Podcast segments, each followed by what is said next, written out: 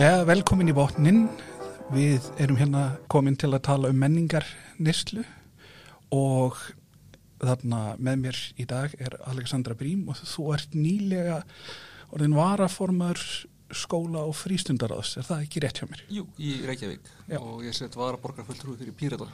Já, þú ert alveg plögga. Já, ég ég er það sem þetta er alveg. Ég er líka í velferðaráði og innkauparáði. Já, er þann, þannig að maður þarf að koma, koma vel fram við mig, þig maður að selja. Nei, nei, maður er kannski ekki, ekki, ekki grínast með þarna Það var alveg grínast með það. Það, var- er ekki, það er bara ekki nokkur fótur fyrir því í raunveruleikarum. allt í lagi, allt í lagi. Ég þarna, já, en við ákvaðum að tala saman um þættina Scrubs Já. og þá bara byrjaði, hefur þú séð þá? Nei, jú, þetta, ég mikið lataði til þessari þátt og þeir eru svona kannast því það er, alltaf einhvern veginn svona einn þáttur í gangi á hverjum tíma um vinahóp sem býr í New York og er að deyta og allt er í vesinni, hvort sem að það er Friends eða Seinfeld eða hérna, How Much Your Mother. Og það er alltaf einhver svona pínu surrealisma húmor þáttur í gangi. Og ég vil meina að Scrubs hafi verið í þeirri röð á samt Parker Lewis Can't Lose, Community og uh, ég er að gleyma einhverju meinu þannig inn á milli. En hérna Það, eh, já, jú og hérna uh, 30 okkar eiginlega já, Parker Lewis Kent Lewis, það er akkurat það sem að mér, mér datt í hug fyrst þegar ég var að horfa á þetta. Það, en hefur hort á Parker Lewis Kent Lewis nýlega? Nei, eða svona ég sá eitthvað hálfan þátt fyrir sko 12 árum síðan eða eitthvað sem að er sko ég skil nýlega í stóra samhenginu en þú veist Já. og ég, ég var ekki að fíla sko Ég þannig að sá þetta nefnilega upp, upprunlega fyrir þarna á sín tím og ég vola hrifin að þessu en síðan þegar ég reynda horfa þetta aftur þá er eiginlega of langur tími liðin frá ég, ég held að sumt virki svona bara ef maður svona, er svona alltaf reglulega að horfa eða hlusta eða hvað, hvað sem það er. En ef maður missir svona Það það virkar í tíðarandanum og það virkar uh, einhvern veginn eftir að þú þekkir karakterina og þetta er hluta varanum og kannski ekkert skári í bóðinu, alltaf sjónvarpið á sín tíma alltaf bara þannig, við vorum með einn til tvo möguleika á kvöldi. já, á þessum tíma það var akkurat með það var Parker Lewis og Simpsons held ég bara á sömu kvöldum hjá Rúf Já, það er vel raðað, eða Já. þú veist, eh, voru, þannig að það, það var svona uh, meðvelt ágætt og alltaf frægast í kara, svo sem hefur náð lengst held ég að leikonum í þarna Parker Lewis þar Kubiak sem leik síðan svona risastóran hjúkrunafræðing minnum í, í IR en Ok. IR er kannski svona akkurat svo ég síni hæfileika mína að skipta yfir IR er augljóslega ein ástæðan fyrir að Scrubs fekk að Algjörlega. fara inn af því að það er eiginlega það svona koma þessu svona þetta lækna drama kemur fyrst en síðan kemur lækna Lækna húmordrama, svona, já, það og svo erum við komið með sko að lækna melodrama og það er önnur saga, hvort sem að það er Chicago Hope eða Grey's Anatomy eða já, Good Doctor eða, en já, já, ég þarna þetta byrjaði árið 2001 þarna Scrubs og það er vist sagan að Zach Braff hafi verið þarna búin að vera tvö ár að býða eftir að þeir gætu loksins farið að taka upp seríuna, tvö eða þrjú ár. Og það sem er svona það skýrir það að hana hárgreðslan sem að JD er frægastu fyrir hún var svona relevant svona tveimur, þreimur árum áður en að Scrubs byrjaði. Mm. og þeir ákvaða að halda henni útskýr þetta af hverju það verið það verið svona langt á milli pilotsins og seríunni ég held að það nú ekki verið ekki alveg tvö ár vissum nei, samt, en þeir sko. það, var, það voru alveg þessi tími frá því að þeir ákvaða að hafa sagt Braff með og sagt Braff var, var lengi með honum Bill Lawrence al höfundi þáttuna mm. að bara svona vinna í því að koma þessu af stað Já. og Bill Lawrence var náttúrulega á undan þessu þá var hann með Spin City Já, ég sá það nú einhvern tíma. Þeir voru allt í lægi svona ef, maður, ef manni leittist og sjónvarpið var í gangi. Já, þannig að Michael J. Fox var voðalega sérmærandi á sinnhátt og Charlie Sheen sér- sérmærandi á Töluvert öðruvísi hátt svona smá en au- augljóslega þá misti þetta dampin þetta var, Tígristýra blóð. það var nú ekki alveg komin á tíkristýrablóði, hann var þannig að hann svona hafði vit að halda sér ekki svona, hann var ekki mjög mikið í neykslisfréttunum þá, þetta var hvað þarna fyrir 2000 sem það var. Og það er, ef þú hefur hort á Spin City og Scrubs þá getur þú séð að það er töluvert svona flæði af leikurum á milli í svona gestahlutverkum. Ok. að koma þarna svo sem leik borgarstjóran í þarna Jú, Spin jú, jú, City. ég vissi það. Því hann kemur þarna sem wasp white Anglo-Saxon Protestant. Jú. don't make a scene. Og hérna, hvað heitir hann hérna, uh, eitthvað eitthvað kind hann leikur hérna gaurinn sem er með íbókondríuna og hann var Já, líka akkurat, aðstoðarmaður. akkurat, akkurat, hann var svona, já, svo sem að hann leik líka þar áður í Mad About You, Já, held ég, alveg svo ég sé ekki að, svo uh, ég gæti vera örgulegast en mér minnir það að hann hafi komið þar, About, þannig að þetta er svona tengist. Og það sem er svona, því þú nefnir community, mm.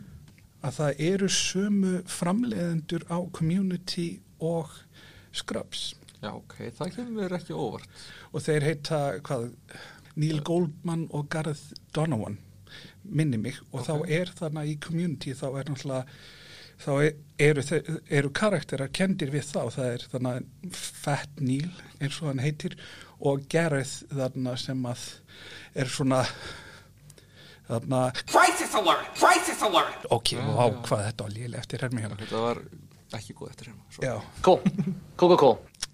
já, þannig að það er svona smá áframald af þessu algjörlega En það sem er svolítið, eh, maður svona, af því að skraps er svona skrítin þáttur. Þannig að tók hann upp í spítala sem hafi verið yfirgefin Jú, ég sé það. Og fengi að vera svona alveg svona einu, einu sér þarna. Og þá var engir svona frá stúdíónu sem voru að tröfla þá. Þú veist með unga flippaða leikara sem að fá þær aðstæða þegar ég get alveg ímynda mér að það hefði verið svona pínu nett flipp á köflum sko. Já, það var það. Og hann hlað þegar að þau slá í gegn, hann hlað Zach Braff er hvað þekktasturinn Sarah Chalk. Sarah Chalk er alveg stór sko. Hún le leik náttúrulega áður í Roseanne. Hún- Já, hún leik þarna uh, núna er ég að minna þá leik hún eldri dótturina Mhm. en hún var ekki upprunalega leikonan á eldri dótturinni heldur leikonan nummer tvö þannig að það var skipt yfir þegar að hinn fyrir leikonan var orðin á upptekinni háskólanámi og síðan endaði með að þeir voru svona einhvern veginn svissa svona jafnvel svona nokkrum sinnum í seríu á milli þannig að leik, leikkvenna og það var svona gert grínaði og það, þannig að hún er svona þannig að listuð þarna á IMDb sem svona það er svona ef að það skiptum þannig að leik leikara og karakter þá stendur svona inn að segja nummer eitt eða nummer tvö Mm. og þá var hún nummer tvö og fjögur Ha! Þannig að Ok, það er fyndið. En svo er hún náttúrulega komin í Rick and Morty núna og er hérna Beth uh, hestaskurlæknir já. Það er uh, Náttúrulega hún, og það er svona pínu pathos hjá Beth að uh, djúpt, djúpt niður í langar hann að vera alvöru læknir. Já, og það gæti- verið eitthvað svona pínu vísun í uh, Ellie og Drít já, að í öðru lífi hafa hún verið það, já. Annað, já Elliot Reed er náttúrulega hún er snillingur sko. Já, hún er, það er svona kannski svona í dýnamikin í Scrubs þá, þarna, þá er Zach Braff, Zach Braff sem er með sinn svona mentor Já sem að ég myndi ekki vilja hafa sem yfir mannarindar. Ég held að Dr. Cox væri allt í lægi sem yfirmaður ef maður er ekki svona algjörlega uh, viljalös uh, sigurpúði eins og JD sko ekki það, það er sigurpúði í þeirri merkingu að hann er næs. Ég er ekki endilega þeirri merkingu að hann sé svo góður góður eða þú veist, jú, jú, í stóra sammyggjun er hann góð manneskja en hann haga sér ekki alltaf þóðlega vel í samböndum.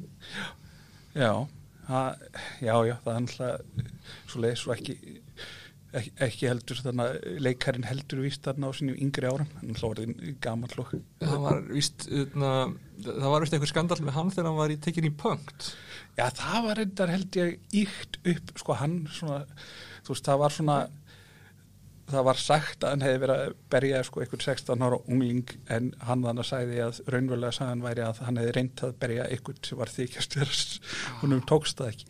En eins og ég segi þetta er svolítið eins og hérna fórspræðara sketsin þegar Sigurjón Hjartarsson kemst að þeirri niðurstöðu að Íslendingar séu við fordómega hvort kínverjum og það þurfi bara, allir, allir bara hlæja þeim út á götu og segja þeim að hætta þessari vittlesu og bara hypja sig. Þegar að auðvitað var uh, sannleikurinn sá að hann var, hann var í mjög að um bænum.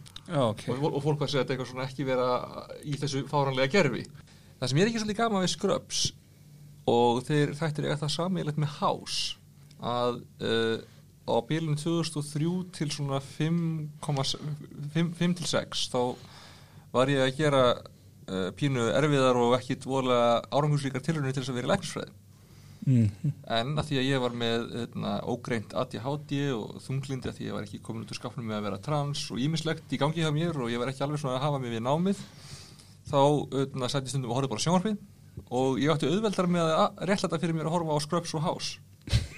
Ég, ég veit að mér er ekkit sens. ég, ég, ég, ég, en það var samt svona bara þið, sjáu hvernig heilin getur virkað í sjálfsréttlætingu á veikum momentum. Já, ég hlæði samt að þessi daga því að það var mjög stúpid. Já, já. Scrubs er uh, voðalega, allavega fyrir mig þá er það voðalega þægilegt efni þegar ég er ekki upp á mitt hressasta. Já, þetta, er, þetta er komfortefni, klárlega. Ég held að við skulum sleppa að ta tala um síðastu seríuna sem var svona, svona hálgerð tilvægn til þess að gera reboot. Ég held að það sé nóg áhört efni til að taka það alveg sérstaklega fyrir.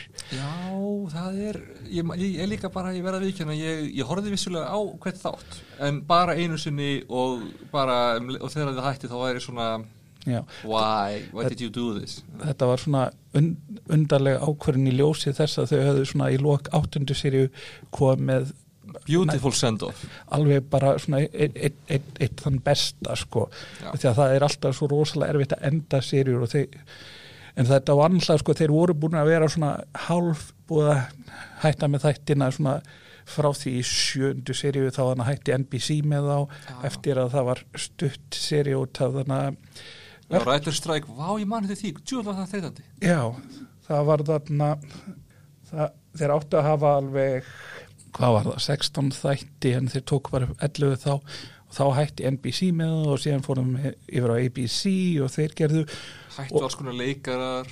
Já, og það sem var þarna í sjöndu serju núna ætla ég að reyna að tala í kringum hlutina svona sem að það er ekki allir sem geta greinilega, svona hef ég komist það það er þarna það er aðal persóna sem að deyr á dramatískan hátta í, hátt í sjöndu seríu af því að þeir heldu að þetta yrði síðasta serían sem að er þarna og, og sí, síðan snýr sami leikari eftir aftur Já, er. já, já, já, Það var endar mjög, þe- þe- þe- mér tókst, mér tókst það svona búa til pínu fyndið úr því já að, þetta var þarna Ég veit hvað er það að tala um sko.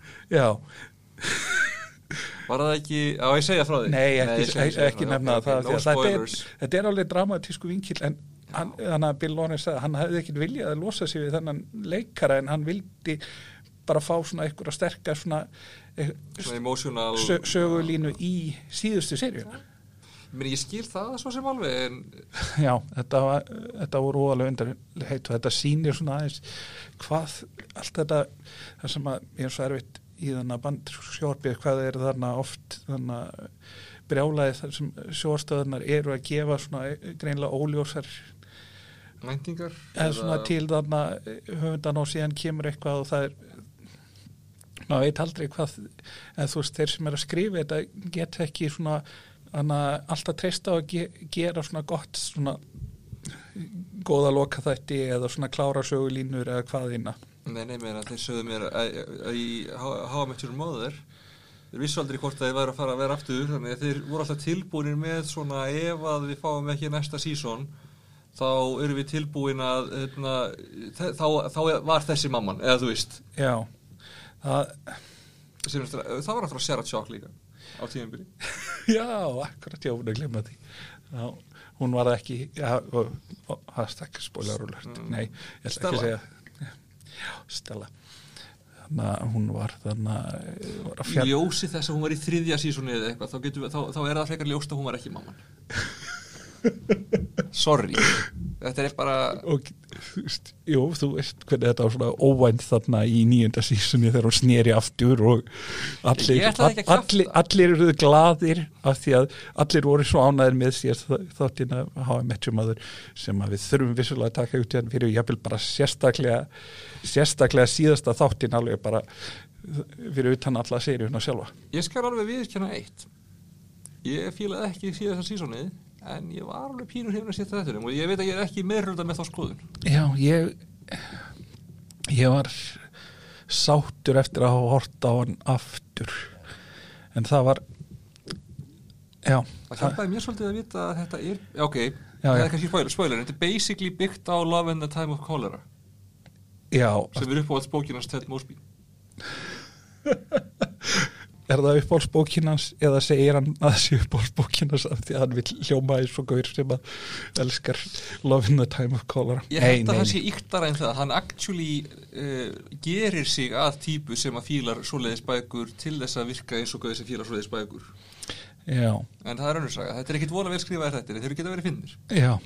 En já, Scrubs. Þetta byrja, það sem að menn hafa náttúrulega sagt með Scrubs er að fyrsta sé afskaplega vel gert fyrir mitt þá sem að þannig að byrja sem læknar í fyrsta já, já, skipt já, svona resident, þetta er þeir sem eru komnir á kandidatsáriðið eða svona svoleiðis. Já, já, intern fyrst síðan resident. Já, ég já, nú veit ég ekki alveg hvernig þetta translatar í íslenska kerfi það sem þú ert með svona starfsnám með námi og svo ertu komin í kandidatsáriðið þitt og svo ertu komin með já, Já, ég, ég hef ekki alveg náð þessu en þannig að ég held að við höfum ekki einu sinni ég er ekki alveg 100% að við höfum þannig að vitað hvaða sérgrein hann þannig að JD ég held að það haf alltaf verið internal medicine. Hann Já.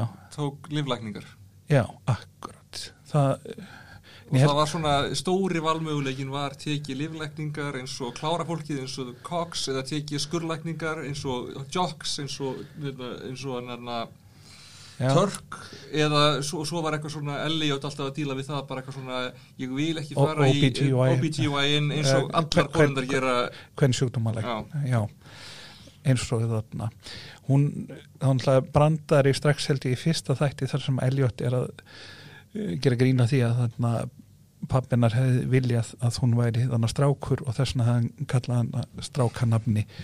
Já, ég heldur þetta samt að bara líka þessi karakter hafi gert nafnið algengara fyrir stelpur já, ég segi, hún bara heldur áfram hún, hún, hefur verið, sko. hún hefur verið að frá 90 eitthvað er enn, ennþá að og ég veit ekki hvort hún sé að leika einhver live action e- einhver svona eh, þar sem hún er sjálf Nei, ég veit ekki hún, hún tók reyndar eftir Scrubs þá þarna Meina, hún var í hámættur máður en það var bara svona í Já. eitt sísón eitthvað en hún leki einhverjum þætti sem gekk bara þú veist í hálft sísón eða hálfa serju eða eitthvað sem var hvort að hún átti unga dóttur og þurfti að flytja heim til foreldra sína ég man, Já, já, ég man nei, nei, það datt bara út. Svona, hún held á og síðan ef við förum þarna í Neil Flynn Já, sem að Lék Dr. Jan Ítor. Já, eða húsvörðin já. E- sem að hétt kannski þarna Glenn Matthews. Ég skoðað þetta á þann já, það er hann náttúrulega síðan hann kom einmitt ekki aftur í nýjundu seríu af því að hann var að byrja á The Middle sem gekk alveg í, í nýju ár. Mm. veit ekki hvort þú var hort á það en það var svona náttúrulega alltaf er í þáttur bara svona fjölskyldu. Svona kannski Já, svona það svolítið basically, þeir eru basically að reyna að endur vekja Malcolm in the Middle nema þeir vildu hafa nýja leikara og aðeins öðruvísi. ég held að þessi meir ég myndi segja meira eins og þetta er svona en stílinn var svolítið líka eins og eitthvað. Ok, ég hef ekki hort á, ég hef ekki hort á nógu mikið á Middle sko. Ég, ég hef alltaf vitað að ég geti kannski eitthvað tíma að byrja að horfa það þegar verður allt í lægi ég bara svona hef ekki alveg tíma eða á eða nennu. Já ég horfði á þetta bara út af Neil Flynn að ég elska hann hann upprunlega þá átt hann ekkit að verða svona fastakis, fast, fastur Nei, nei. leikari þá bara hann náði þess að hann er það sem að allt, hann þarna var alltaf að spinna hann var svona leikarinn þar sem að sagt svona í handreiknum bara já og Níl fær svona að spinna hérna og segja eitthvað fyndið Ég veit ekki hvað, hvað mér finnst um það að þeir komið þetta revíl í endan á 8. sísoni að JD hafi sett pening í uh, hurðina. Já, ég er ekki, já, hvort það er hafi verið löngu búin að ákveða eða hvort er ákveða bara að ákveða það setna. Maður, En getur ekki einmitt verið að Scrubs sé svo lítið JD að segja söguna af sjálfum sér á svolítið svona self-serving hátt. Hann er svona, hann er, jú, jú, hann er ekkit slæmannskja þannig, en hann er aðeins meiri bastard en heldur en að hann kannski lætur okkur sjá almennt. já, Æ, ég veit það ekki. að, já, það hann hefur sína galla á að vinir hans og starfsfélagar taka hann svona reglulega fyrir svo sem hann bróðir hans. Það var, það frábært, hvað, ég man ekki hvað hann heitir en hann leik líka í þáttunum Ed. Já, og svo líka hann í öðna, Flash. Já, hann leikur í Flash, er, er hann ekki bara ennþá Ég held að Flash? segja það í Flashi. Já, ég veit ekki hvort að karakterin sé Það er mjög Já, fyrir sko. já, og þegar hann kemur þarna og svona uh, við þurfum að taka svolítið á við hvernig hann geti, akkur JD ber ekki virðingu fyrir honum og eitthvað svona svoleiðis, það var hann Já. að veitir státur. hann þannig að náði svona og hann er líka bara ógeðslega fyndin það getur bæði verið dramatísn eins og þú, þú segir en það er líka svona þessi fyndnu atrið þar sem hann er að rekja JD sem eru nasti henn ógeðslega fyndin Já, og sko, mér finnst líka gaman að gaman þáttum sem að geta verið raunverulega djúpir og dramatískir svona þegar að, þú veist, þeir eru ekki svo fáránlegir að þú bara trúir þú- veist, það hafa komið famleika í þetta þar sem þeir reyna að vera dramatískir í, í eitt þátt og það er bara, nei, bara þú hefði ekki þann trúveruleika, sorry, það er bara ekkert sem þið gerir, lætum við kaupa það að þetta hafi neina vikt já, en í community, í community geta þeir það og í sköps geta þeir það. Já. Í þannig að skröps þá náttúrulega byrjaði strax í fyrstu seríu á því að, að, að því að þetta er gaman þáttur þar sem fólk er alltaf reglulega að deyja, sjúklingarnir sem að koma inn sem aukapersona, þeir geta allt einn stái og það er náttúrulega einn svona söguð þráður af því sem að sérstaklega þarna í sem að snertir fjölskyldu meðlums eins þarna, Já, já, já, akkurat, það er það er rosalegur þáttur. það er rosalega flott. Ég myndi segja hans í upp á þátturinn minn í seríunni. Já, ég er svona ég á mér upp á þátt sem er þarna heitir My Way Home. Já, ég ætlaði það nefnilega líka, hann er æðislugur það er frábær þáttur og byrjar sko, ég, Þegar JD kemur og hann langar bara hann á ekki að vera á vakt þennan dag og hann langar bara að komast heim í bað að hlusta á Tótó já, svolítið svona klörks þema þannig er svona I'm not even supposed to be here today.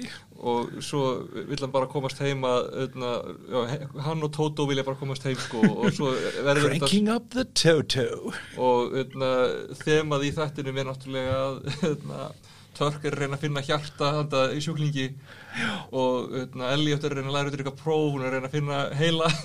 Og þetta er eitthvað svona, svona Wizard of Oz þema, ég kunna vilja mynda það. Já, þetta gátu þau gert þannig aftur aftur tekið eitthvað svona alveg þegar þau tók, tók mér þess að þannig að það sem að er hefur oft verið neint text sjaldan svona bara söngleikja þá. Já, það var góður það, og hvernig þau spunnu það inn í raunveruleika þáttarins var alveg að það var svona, þetta var ekkert svona ólógist innan þess, ég veit ekki hvað, Ég held að þetta sé ekki alveg, alveg hægt í alvörunni Nei. en þetta er samt alveg svona you, you for the purposes of TV þetta er sko raunveruleiki þáttarins gekk út á þetta og Já. þannig að þetta stóðst Akkurat. en náttúrulega talandi um raunveruleik og ekki raunveruleika það er náttúrulega það sem við stökkum inn í hverjum einasta þætti er þessar fantasíur Já. Það sem ég, mér finnst uh, mikilvægara heldur en realism í sjónvarpi er verisimilitude já, það er svona innri raunveruleiki það er eins og þú veist, vörpunardrif og transporter eru ekki til eins og í Star Trek. Nei. en í, ef, að- ef að Star Trek er vel gert þá virka þeir að minnstakosti eins í hverjum þætti og er ekki bara fundar upp nýja reglur eftir því sem henta plottinu. Eða, þú veist, það er þetta svona innra samræmi. Já. Síðan, síðan kemur einhver einhver stórlags í Hollywood og býr til einhverja nýjar myndir sem að þú veist endur skilgreina allar reglunar Já, uh, því minna sem við segjum um þær myndir því betra, ég fílaði svona pínu fyrstu en uh, já. Já, en Star Trek getur verið vi- vissulega ekki, ekki bara eitt þáttur heldur margir þættir. Ég hef náttúrulega, ég á eftir að sjá ný, neitt af nýjustu seríunni. Ok. Sem er bara sko ég að bæði fyrsta leið mér langar að sjá fleiri í einu. Mm. og mig langar að að það, og ég er svona kvíðin fyrir því hver, hvernig þetta er. Svona ég, sko ég vil ekki, ekkert vita svona bylinn sem það en ég er bara svona já eftir að taka þetta fyrir og þá þarf ég að taka mig bara góðan tíma. Ég er alveg trekkari af mikillin áð og ég fíla þetta svolítið en það, ég er það ekki alveg sem er ósaman á mér Já. uh, Eitt sem ég vil að spyrja, hefur þú séð Picard trailerin nýja? Nei, ég er einmitt líka, þú veist, með það, þú veist, er, er þetta hægt? Við erum hitt, hittum aðeins hann þarna John Delancey um daginn, það var Já, gaman Kúan náttúrulega mjög áhugaður persóna þarna í Star Trek, en ah, eins og ég segi, Star Trek býður betri tíma. Já, Já, já, já, við getum farið það hverja sem er en, en uh, ég vil Og alltaf að aftur og aftur. Og ég segi Neil Flynn og síðan þetta hana, þegar þeir taka Fugitive inn í það. Já, það var æðislegt. Og þarna eh, spila svona aðeins hvað er raunveruleiki sjóastáttarins og hvað er það ekki. Og þú veist, er þetta bara einhver tvífari hans, er þetta einhver frænd hans, hver, hver veit? En þá náttúrulega þá náttúrulega hann átti sér, sér tvíbura í þáttunum eins og mannskærski eftir. að- að Var kom- það í alvörunni?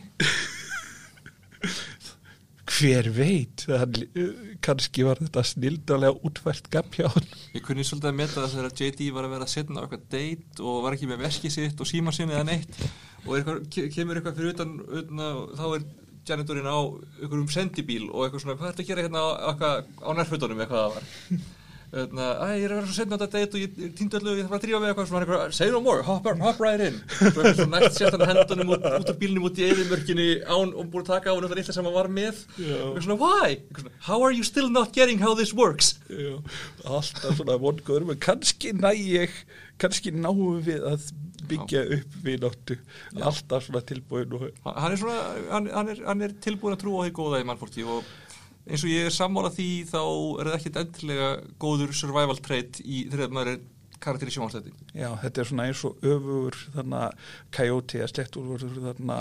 Roadrunner sem að reynir alltaf aftur og aftur eða þá Charlie Kalli Bjarn já, já, já, það er svona það er vist, vist þar sko. Já, en svo vil ég líka svolítið þáttinn þarna þegar hann er fyrst svona eini læknirinn á næturvægt já, bæði var hann svona svolítið sem skemmtilega öðna, svona poignant og svo ég held að það hefur líka verið fyrst þáttu þar sem við fengum að sjá öðna, uh, a cappella bandið hans öðna, hvað heit hann, Ted? Já, hvað heit uh, the, the Worthless Peons. Það heitir The Worthless Peons en það heitir The Blanks í álunni þannig að maður getur hlustað á það á Spotify Já, Blanks. þeir, þeir heitaði blankst í alvörunni. Þeir eru ágætir Þann- ég kunni að mynda þegar nafnið kom fyrst fram. Já, það var, það var eitthvað í símanum að rífast við einn eitthvað svona uh, you're, you're leaving us? You sir are a worthless peon and you will always be a worthless peon. Og það skellir eitthvað á. This, is my friend, he's trying to quit the band the, the worthless peons. I don't want him to. Æ, það, þeir eru náttúrulega frábæri í þeim þáttum sem er, en það er náttúrulega tónlistin er rosalega sterk. Rosa vel, góð, vel gert sko. Eins og við nefndum Toto áðan en sko Sack Braff sem er mikið, sá mikið um tónlistin í þessum þáttum já, hann það er einmitt svona, Toto er svona akkurat held ég öfugt við svona þessa sölu tónlist sem að Mm. Sack Braff sjálfur fílar af því að þetta er svona og ég, ég er rosalega hrifin af Afrika og þarna ekki? ég, ég bara ég man eftir þessu frá því að ég var pínu lítill og það hefur bara þetta er bara eitt af mínum uppáhaldslögum æðislega og það, þú veist, og maður, svo lengi sem maður fattar að þetta er ekki sko, þetta, er verið að gera grín af svona eh, hvítu fólki sem hel, hel, heldur það skilji í Afríku frekar heldur en svona já. ef maður skilur háðið þá er það þetta er svo disco frisko, það er ekki alveg diskolag þannig að, já, en þarna, hann þarna kemur inn með svona, en ég veit ekki hver kemur inn með þarna, það er Men at Work lögin, en þannig að ég er hugsa um þarna Já. Down Under Já. og síðan þarna My Overkill já, já það var mjög gott My það var mjög góður þáttur My Overkill er náttúrulega þátt upprunlega með þarna sömu hljómsveit og gerir þarna Down Under mm. og það er gaurinn úr hljómsveitinni sem kemur og er að þannig er á já, gítarnum í þáttum það var mjög gott sko. Og hann þannig kom svona ítri sleep. Já, think about these og situations það er svo það er, það er einna svona þessum snildar svona leifa sér að gera þetta. Já, við eigum ekki að trúa að þetta sé svona beinlínis raunverulega að gerast en við svona, við leifum okkur að trú, trúa því að svona hans skeðrana ástand sé að byrtast að þannig máta fyrir já, honum. já, við getum sagt að þetta sé töfra raunsæ já, það öll þessi tónlist, ég hlust það er til góðu playlist á þarna Spotify sem ég keri stundum Hvað veitir hann? bara, þú veist, Scrubs og þá er það bara svona meir og minna öll lögin sem á kóðin I'm no Superman.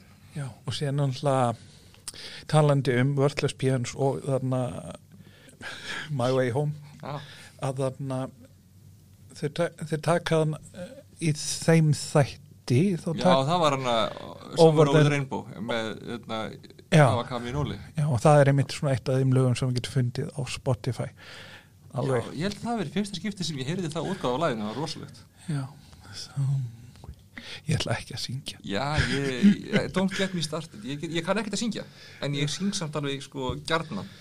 ég, ég ætla ekki að syngja í ekki Somewhere, nei ok, slepp mér.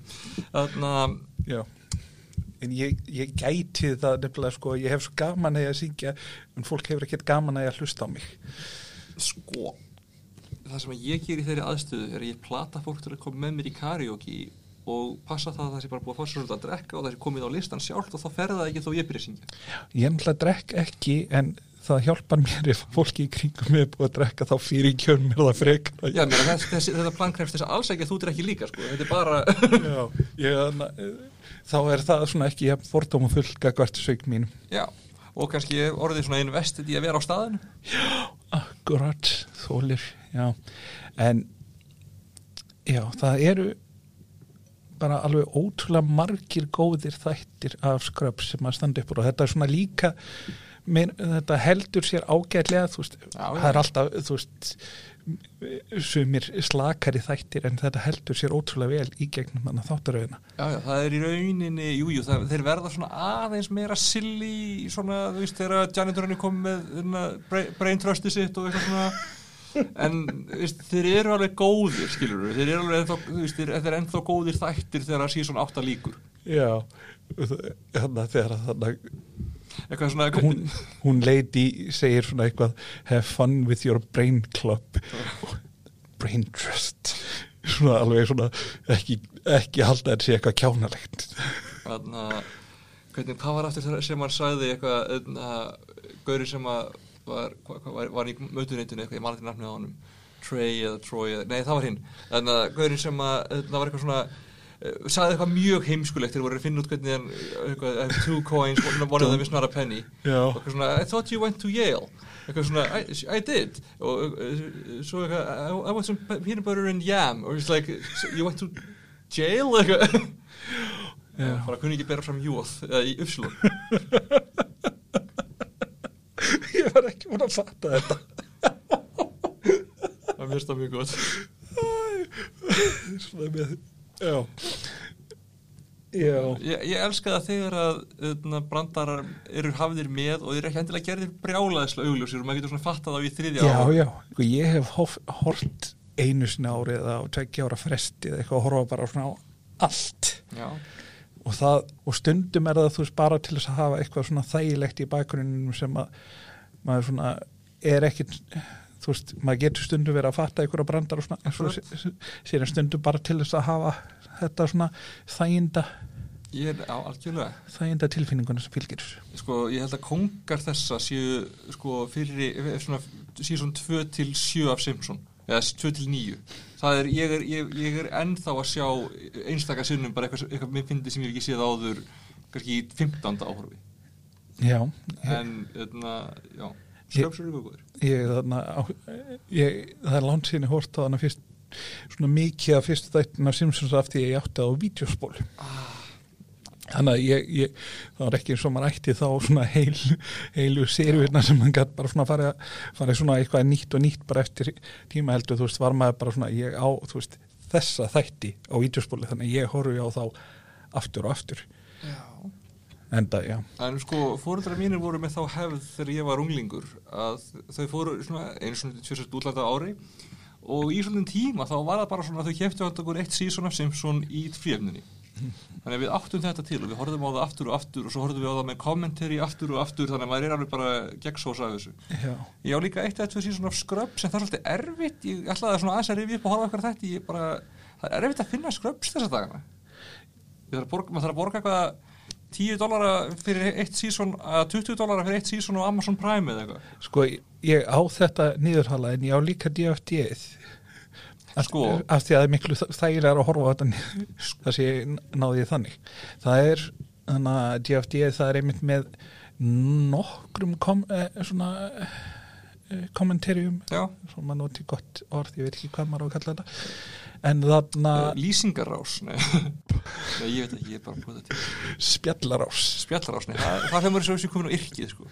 já, ég átti á svo erfitt með að þarna, þegar þegar að bandaríkjumenn er að tala um yrkið þeir segja alltaf IRC IRC. IRC fattaði það ekki fyrir nögt hérna löngu senna hvað þeir voru að segja veist, bara, það passa ekki, þetta var bara yrkið Svona. Þannig að, ég veit þetta er langsótt tenging, en það þú sagði þetta IRC, það myndi mig á IRS og það myndi mig á mjög fyndin Simpson-brandara sem ég langar að deila með þér. Að Þegar að uh, Krusty the Clown tapar öllum peningunum sínum til skattsins og skattur endur á að sko yfirtaka eig- eigur hans og ekki bara sko hyrða fyrir, þeir basically breyta Krusty Burger í IRS Burger. Já, og það er eitthvað svona fylgtu út þessa betta pöntunarform og þú fær hambúrgarinn eftir 2-4 vikur. En etna, það sem að mér finnst fyndið er að það var svolítið glata tækifæri að því að það er svo gott nafn fyrir þetta á íslensku. Það er skattborgarar. Já. En ég held að sé við höfum eftir að tala um þannig bæði törk og kör, Körlu, almennlega þannig að sko Donald Faison var var, var svona dálti frægur þegar þetta byrjaði. Já, fyrir klúlus að já, var það ekki? Já, og það var þannig að þegar að þeir fóru, þegar þeir byrjaði að verða vinir, þannig að Zach Braff og Donald Faison, ef þau fóru eitthvað út þá var svona alltaf reglulega kallað á eftir þeim, hey, clueless! Og engin, viss, engin vissi hver þannig að Zach Braff var. Æ, etna, En það hefur snúist svolítið við. veistu hvað mér finnst mjög fyndið með þá tvo, það er brjálæslega margt fyndið eins og þeir vorum uppstafað hundin til dæmis. En etna, sem heit Rowdy en etna, eða Rusty uh, Rádi. Já, og öðna, það var þegar þeir voru að se- segja sko, hvað, við hengum svo mikið saman að öðna, barþjóðnin og barnum okkar held að öðna, Tork hefði bara öðna, hefði eftir nefnið and JD og NJD. svo eitthvað, þeir eru nýbúin að segja þetta þá kemur görun eitthvað svona ah, Tork and JD, and JD Já.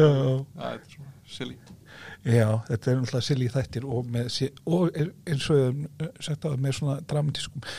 Undirtón og leyfa sér að stundum svona. Já, en síðan er hún þarna Karla sem er Julie Reyes. Reyes. Reyes. Já. Og og hún, hún er svona hún er aðeins eldri en hinn í líka hópnum og hún er líka eldri, ka- karakterinn hennar er líka eldri. Já, og hún er svona pínu mamman í hópnum en hún glæslappa, já, hefur vit fyrir þeim sem, sem er náttúrulega fyndið af því að hún er síðan kemur ljós að hún er svolítið eins og mammans törk mm. Og- já, já, jú, jú og það í, í þeim þætti kemur svona lína þar sem að þannig að mammans törk segir Körlu að hún að ég hætta þannig að sofa hjá hann í mánuð og þegar, þegar törk svar It can't go down like that. It just can't go down like that. mjög mamman sé sviftan kynlífi jú, það er, það er mjög ósangjant það er mjög leiðileg staða, sko. Það var líka gott þegar að ég man ekki hver það var sem var reyður við uh, munni með JD eða Cox og stormar út svona eitthvað og, og törk eitthvað svona stormar út með honum kemur svo aftur eitthvað svona I'm not mad at you, I just can't resist a good storm off. Já, Þetta er, hann, hann er mikill humorist, ég er gaman á hann hvað heitir hann? John, John C. McKinley, McKinley, já. já. Það, hann á, hann hefur hann hefur náttúrulega leikið ótrúmargu, hann leikið þarna Platoon og eitthvað svona. Já, og, en ég kannast alveg hann úr Office Space. Já auðvitað, auðvitað, auðvitað, auðvitað. það er, það er svona Michael What Bolton would you say it is that you do?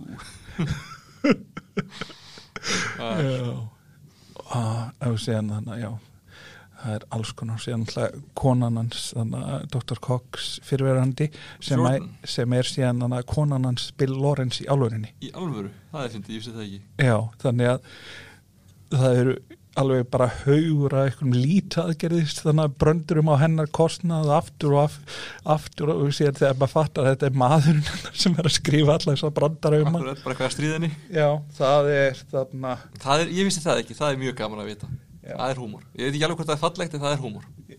Ég held að hún hafi gaman að en það heldur þau síðan áfram og þau gerðu síðan Cougar Town náttúrulega í kjölfarið. Já, ég, ég reyndi að byrja á þeim ég bara, ég var ekki alveg að fíla það, já, þetta var þetta var þættir sem að vissu til að byrja með ekkert hvað þeir væru. Nei, það var bara að við erum með þetta skemmtilega fólk hérna og okkur langar að gera eitthvað saman. Þetta átt, átti sína þannig góða punkt á þetta átti náttúrulega líka það sem að skiptmáli er að það spilaði oft svona eh, aðeins þannig inn í þarna að þetta vísaði oft tilbaka í skröps og svo sem líka einmitt þannig að þeir áttu þannig smá svona eh, þar sem eru voru skipt, skiptast á bröndurum við þarna community. Jú, ég vissi það. Það, eh, Ok, eh, sorry Nei, nei. Það ætla að segja bara að þetta er mjög gott þegar að Courtney Cox kemur inn í eitna, Scrubs í bara eitthvað örfa á þætti já, og hún er svona, hún er, það lítur út að hún verði eitthvað, svona the new chief of medicine eða eitthvað í eitthvað tíma svo er það bara eitthvað fake out en eitt af því sem hún eitna, gerir er að hún eitna, gaggrínir Dr. Cox fyrir það að vera með fáralegt eftirnafn sem að ekki sé ekki nokkur leið að skilja hún þannig að sumar ákvarðanir tekur hún sem eru rökréttar þarna mm. Eins og að reyka fólk sem vinnur ekki vinnurinn sína. Mm, Já, ég, ég man ekkert hvað hún gerði svo sem þannig sé nei, en þarna ég man bara þetta sem brandara. Já, og þegar Elliot Reed gerði heimasíðuna I hate Cox og bara hún og einn annar lærlingur og svo eitthvað 5000 lesbjur já. Að, þetta er einmitt, Sumir af þessum bröndurum voru líka þannig að það var, svona meira samfélagslega í lagi að segja þá fyrir 15 ára síðan heldur í dag. Já. Ekki það, mér ég- er ekki alveg gaman að segja brandara en þú veist, innihaldið þessu er bara að hún væri klúles með það sem hún væri að skrifa ekki að það væri neitt að. Já, en já, já, þannig að það er náttúrulega svo ég segja það er allt í lagi að pæla í því hvað þarna, hvernig þarna samfélagsmyndin hefur þarna breyst frá hvað, hvað þótti þarna og það sem náttúrulega að finnast er, er hvernig stundum að það sem var við notum það frábæra orð vók á sínum tíma mm. er allt í einu svona svona aðsnælta því að það sem að var svona til þess að reyna að koma sko hlutunum inn í svona einhverja samfél, sam, samfélagsumræðu það þurfti að koma laumaði inn í formi humors já, og þá var það ofta kost, kostnað þess sem að var verið að já, uh, tala um. En þú veist og síðan þegar maður horfir á þetta sko er náttúrulega frends er já, ég ætla einmitt að nefna Friends.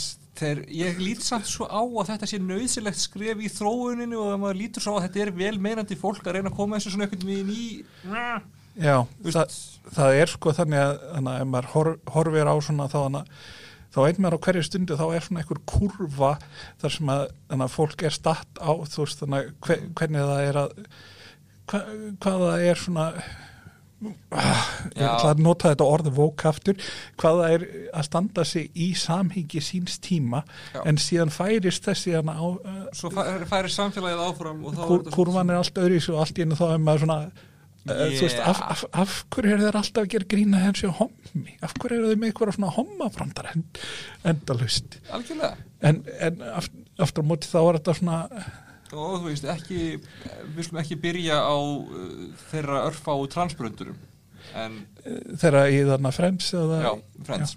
Já, það er einn svona næstum því transbrandari í þarna ég veit, já, sem er svona næstu man ekki eftir því? Þar sem að eða, var það klæðskiptingabrandari. Það var klæðskipting sennilegra.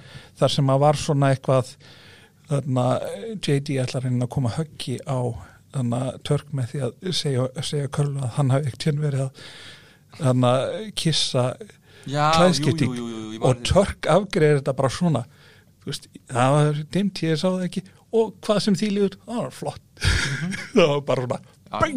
já, og meina það, það er svona eins vókóð ger, ger, ger, verið á þessum tíma svona í bandarsku sjórpi já, það var En ég, ég þykist alveg vera nógu menningarlega læst til þess að sjá munin á sko raunverulegum fordómum og svona vel meinandi uh, svona Já. einhverju samtali síns tíma. Ég, ég, Já. mér finnst Friends stundum hafa svona aðeins farið yfir þá línu en þeir voru svona overall að reyna. Já, en Scrubs finnst mér aldrei hafa verið annar staðar heldur en bara svona the good guys, hvað þetta var þar já, það var líka alltaf því að það er alltaf stelpunöfnin hjá Dr. Kork Já, og það var svona einhvern tíðan tekið skýrt fram já, að hann ætti ekki við að, að JD væri hommi heldur að hann væri lítil stelpa. Það var svona já eins og ég, segi, er þetta ekki er ég guttir í þetta þetta er bara Nei. svona idiosyncrasy karakters já, veist, akkur, akkurat eins og ég segi ég er ekkit vissum að ég myndi nennar svona yfir manni Nei, enda sko þú veist, ég veit ekki ég myndi aldrei láta vaða snuðið mig, þú myndir aldrei láta vaða snuðið þig Vænt- en þetta er náttúrulega þú veist þessi vald, valdast að líka ef maður er í því sem er erfið.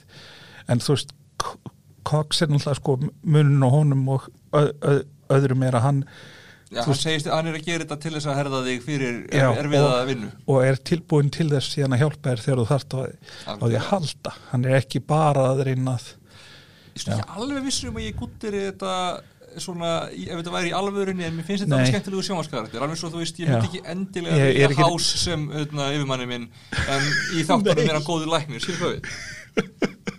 Já, það er alltaf einn annan hás þáttur af hann var æðislegur.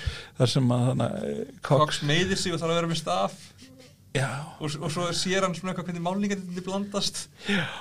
Hann er svona, þú ert bæði með gulu og með þetta sem gerir mann rauðan. Þess að appísnu gulur já, en þarna já, síðan eru alltaf svona skemmtilegir auk, auka, svona aukaleikara sem voru þannig bara í baksín á þáttunum sem, sem komu svona hægt og rólega. Og byrjuðu að gefa þeim svona nokkra línur og voru þá búin að uppnefna þá Beardface já, það var það það var bara því að leikararnir eða höfundarnir voru búin að uppnefna í hugunum, þú veist þessi þannig sem er alltaf í bakgrunum, kvöldum hann Beardface, kvöldum þess, þannig Snoop Dogg intern og hvað hann nú er. Og það, það, það er og það er auðvitað verið svona skemmtilegt fyrir þá fyrir þá Já, að, fyrir þá leikara að, að fá að vera með og fá línur og bara alls já, það skiptir auðvitað líka gríðarlega miklu máli eins og bandarska kerfið er að þeir fá svona auka greiðslur þá löngu setna Já, algjörlega, það er, þú ert svona meiri raunverulegu þáttakandi, þú ert í veist, nærði að vera leikmunur þegar þú farið eitthvað línur. Já, ég ætla að líka nefna að það er einn sem er svona, hann er, hann er dálítið mikil karakter á tímbili, það er þarna hann Keith, þarna jú. Dude Meister. sem er Keith Dúdmæsti sem er gott nafn og hann var, hvað, höfrunga þjálfari í sætýra Nei, það var Sean. Já, rétt, það er rétt, það er rétt Keith var þarna, hann var læknanemi, eða svona, hann, eða uh, kandidat, eða hvað, hvað, hvað sem maður kallar þetta, intern þannig sem að þau voru með. En sá leikari síðan aftur á móti kom líka inn í þannig community sem er önnur tengsl þar á milli. Hvað leika hann í community? Ekki. Hann leik Subway, Já, Ok, já, ok. Kefur bæði þarna í hvað þriðju seríu og síðan sjöttu seríunni. Ok. og hann leikur líka í Veronik Mars sem að hann er þá að tengja saman þrjá þætti sem að eru miklu uppáhald hjá mér. Veronik Mars, Scrubs og Community. Ég hef ekki síð Veronica Mars. Eða ég séð, þú veist, kannski ég þáttu eitthvað. Ég ætla að það, það geti í gegn En mér langar svolítið að horfa á þetta alltaf ég ætla að horfa á þetta. Já, þetta, Og ég bara hef ekki náð að byrja á því veginn. Já ég, þú veist þetta var á rúf og kynningin á þessu Veronika Mars er svona stelpa í þannig gaggó eða eitthvað sem að tegur að sér að leysa eitthvað mál. Og maður bara, þú veist come on, þetta hljómar hræðilega. Já, þetta, eh, Þetta hljómar- eins og einhver sem að vildi ekki að erið vinsælt hafi verið fengið að lýsa þessu. Já, og síðan þannig að datt ég inn í þetta og það bara, vá, þetta er hrikalega dögt á köplum og svona, þannig að ég mæli alveg með því. Sko gallin er að uh, elstu, að fyrstu þættirnir uh, þó þeir að virka á sínum tíma mér þykja þeir kannski svona pínu svona gegnsægir, kannski bara því að ég er vön sjónvarpinu sem að hefur þróast síðan eða þú veist, svona það ver, sumt af þessu verið svona frekar augljóst til að horfa á þetta 2019 já, en Þetta- ég þetta, var, þetta var náttúrulega svona já, þetta var svona Twin Peaks og, og Buffy og 90210 þannig að Beverly Hills Já, þannig. líka eftir að horfa Buffy. Já, ég hef aldrei náða að klára Buffy, ég ætla að gera það, það ég hætti ekki eftir að það veri Ég hef frá Joss Whedon sko. Já, og hann skrifa briljant dialog en Já. ég bara hef ekki eitthvað veginn komið í þetta. Já. Uh, I'm, I'm no Superman. Já, það er, það er vel hefnað þarna, mjög vel hefna taklæn sko. Já, þarna velja þetta sem þemalag og það var sagt braf líka. Veist, já það er, er ekki vel hefna þeir þemalag samt að sagt frá hann er bara vel hefna aðaleikari hann ok, sorry, valdi þemalagið Ok Þarna, en við við- við veist að það er einn karakter með tvo þumla sem við mála eftir að tala um. Uh, Bob Kelso Já, Já. þessi hérna sko. Já, og náttúrulega þessi leikari er algjör snild og hann er náttúrulega sko ef að þarna ef að þarna Cox, Dr. Cox er á ykkur í línu þá Já, þá þarna he- hefur þarna Kelso aldrei þarna séð línuna kannski var hann eitthvað nálægt henni þegar hann var Yngri. tvítugur en samt ekki af því að hann náttúrulega reikin úr hafnaboltaliðinu sínu fyrir rasisma Já Ég, já, þau síndu samt einhvern veginn í fyrsta skipti að hann væri með einhverja meiri vitt í sér heldur en bara svona leiðinlegi peningafókuseraðar yfirmaðurinn. Já, og það var þegar, þegar var einhver að ganga um í górulubúningi að hrekja alla og svo kom í ljós að það var hann. Já það eru, það eru svona fleiri og hann verður svona verður svona mannlegri en það er það sem á líður en það er kannski það er rosalega oft í svona þáttum þar sem að sumir sem eru settir upp sem svona anstæðingar til að byrja með verða hægt og rólega mannlegri þegar maður, þegar maður, þegar þeir fá að þróast þegar þeir flandir í sér þess ekki. En öðna, ég kunna að meta það samt að Cox og Kelso voru settir upp sem svona vist kommenteri á á hvaða vekkferð læknisfræðin var í bandaríkjunum og er ennþá. Veist, peningafókusin að að öðna, og eða þá bara við verðum að hjálpa fólkinu og þú veist, Kelso kemur alveg með sitt case. Hann er bara, ég er að fungur í þessu kerfi sem er bara eins og það er. Já. og við langum að hjálpa þessum. En ef ég hjálpa honum og það kostar mig 20.000 dollara hvað eru það margar sprautunára sem ég get ekki keift fyrir morgundaginn? En, veist, það er bara svona öðna, þetta er hræ, hræðilegur ræðileg, og, og það, og, það- það einhvern tíma viðkjöndu er meiri sé að þú veist þeir leifðu svolítið hver öðrum að vera veist, ég veit að þú ert að svindla á kerfinu fram hjá mér en ég, ég, svona lefiði að þessa viðganga að ég veit að ég get stoppað ef þú ferði við strikið. Mm. en á sama tíma hjálpar mér að vita að þú sért að því að því að ég vildi að ég gæti gert sem af þessu sem þú ert að gera en ég get ekki leift mér að því ég ber ábyrðum spítalanum eða svona, en sorry Já, ég, ég fekk þið enná til að tala. Svo ég er ekki að tala endalist ég ætlaði bara að segja varðandi þetta svona kommentari á bandarist helbriðiskerfi þá er, er þetta náttúrulega þar sem Bill Lawrence sagði hvað verið lýsandi fyrir þetta þegar þeir voru að, að leita að einhvern stað til að taka upp þáttinn þá voru bara fjölmargir spítalar. Fjölmargir yfirkynni spítalar sem enginn var að nota. Já, það var bara, það var ekkert vandamál að finna sér svona. Það sem maður áttar sig ekki á er að í, í þessum þannig gamla spítala þá er allt sem að kemur fram í þáttan meir og minna öll svona, allar svona innisinnur. Það er bara, þú veist, það er íbúðin þegar þannig að JD og Turk ok. þarna og það er íbúðin hans Dr. Cox þannig að þetta er allt þarna. Þetta er bara það og þetta er líka funkeraði sem að lítur að hafa verið rosalega gott fyrir móralin að þetta voru líka þú veist það voru engir þarna eh, hjólhísi fyrir þarna leikanina þeir voru bara með þarna eða já, gamla spítalastofur cool, þannig að eh, þetta hefur svona náða virka svona líka þannig að það virkaði líka þannig andrei tvöndanir Já. þeir voru þeir gátt alltaf svona skroppi bara nýra næstu hæð og já, horta leita til leikarana eða hort á það, leika, talað við þá, fengið tilugur, séð hvernig svona þau gæti nýtt nýtt þeirra svona persónuleika eða það sem þau ætti svona inni, já, eða þeirra svona leikstíl eða þeirra svona já, og bara svona kom, hvað virkaði með þeim? Að það, þú veist, það náttúrulega gerist alltaf þegar það er búið að taka þetta en geta séð þetta bara svona á næsta hæð og fara sérna upp og skrifa svona annað atrið sem að passaði því. Já. Já, það er mega sens, ég veist þetta ekki Já, og síðan náttúrulega já, og Lavörn er síðan náttúrulega alltaf þarna svona svolítill miðpuntur þarna í þarna gamla þarna mm. hjúkranakonan, hún Lavörn sem að þarna Ég held kannski að vera að tala um, en já, ok hún, hún þarna er náttúrulega líka svona eins og Karla er svona svolítið svona miðstöð en hún svona er samt svona líka fúla Já, og líka sko þær voru svolítið svona vinkonur sem voru svolítið svona svipu típa fyrst en svo eftir því sem að Karla er meira dregin inn í vinahópin þá er uh, Laverne er meira svona uh, heldur sinni stöðu sem svona hei, þú veist, þú getur ekki verið með þetta kjæftæði hérna þar sem ég þarf að vinna, eða þú veist.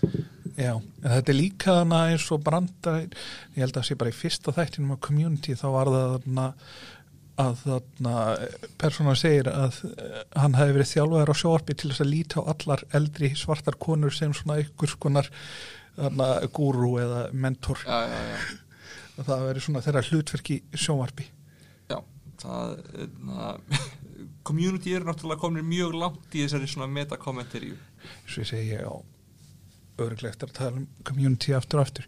Já, meina, ég er alltaf til í það community svo sem en Já, hvað hefur að segja meira um skröps þetta eru þættir sem eru vel þessi virði. Þetta eru svo þess verði, þeir eru svo góðir, þeir eru svo fyndnir, þeir eru tíu á djúpir. mér þeir þarna Já, le, leifa sér að vera þú veist bara alls konar og já, meina, gera, þegar, gera það yfirleitt bara rosalega vel. Þegar Dr. Cox lendir í því að missa einhverja sex sjúklinga sem, sem í vikunni eða hvernig það var það var bara, það var rosalegt sko. Já, og, og, það, að og það var það hann sjálfur sem allir í. Það var, og hann bara var næstu í döður við þetta sko. já.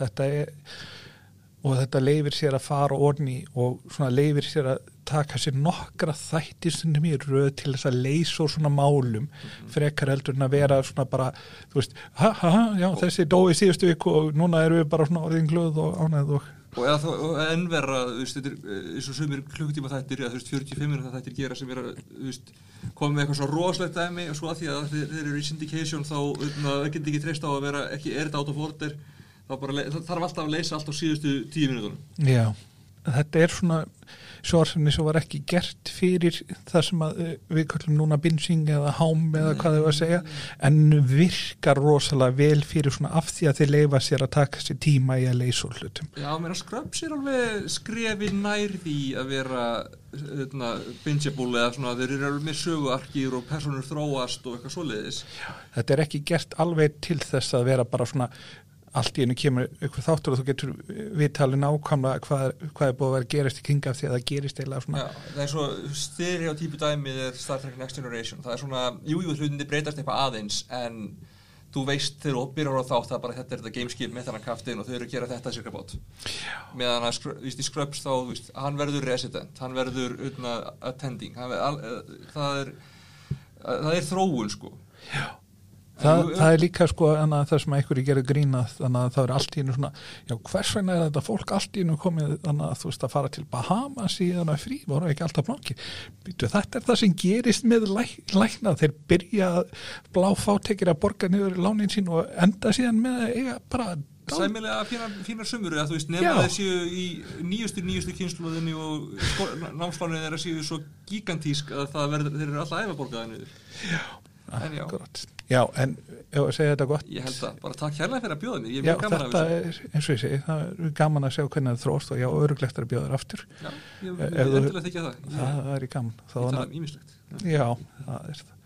En að lókum eitthvað svo plugga annað heldur en þannig að nöðsinn mentunar og uh, frístunda. Já, í dag er náttúrulega dagur geðheilbriðis Já, við vitum ekkert hvaða dagur er í dag.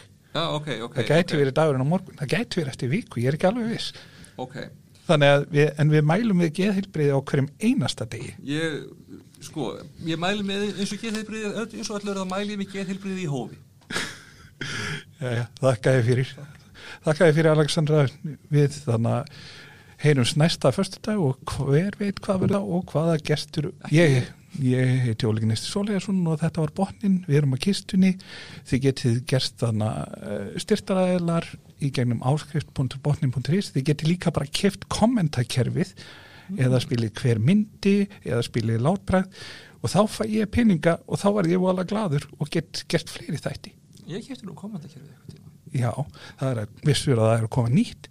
Komandakerfið 2 Ég vissi það, ég gæti alveg ímyndið mér að kaupa það. Já. Þá þá hóa ég alveg öruglega í því sem ge- gerst aftur af því að ég get þá nýtt tæk fyrir að selta þér spil Ég sjá til, ég er alltaf hana opinn fyrir þeim möguleika. En hvort segir maður sko að komast til bots í slutunum eða botninum er náð? Nei, ég veit ekki. Það, það, það fer, fer allt eftir tólkun en já, ég er ólík virkilega gaman. þetta er að Alexandra Brí- Brím og þakka ykkur fyrir hlustununa þið viti hvar þið finnir podcast af því að þið eru að hlusta á þetta hlaðvarp. Veriði sæl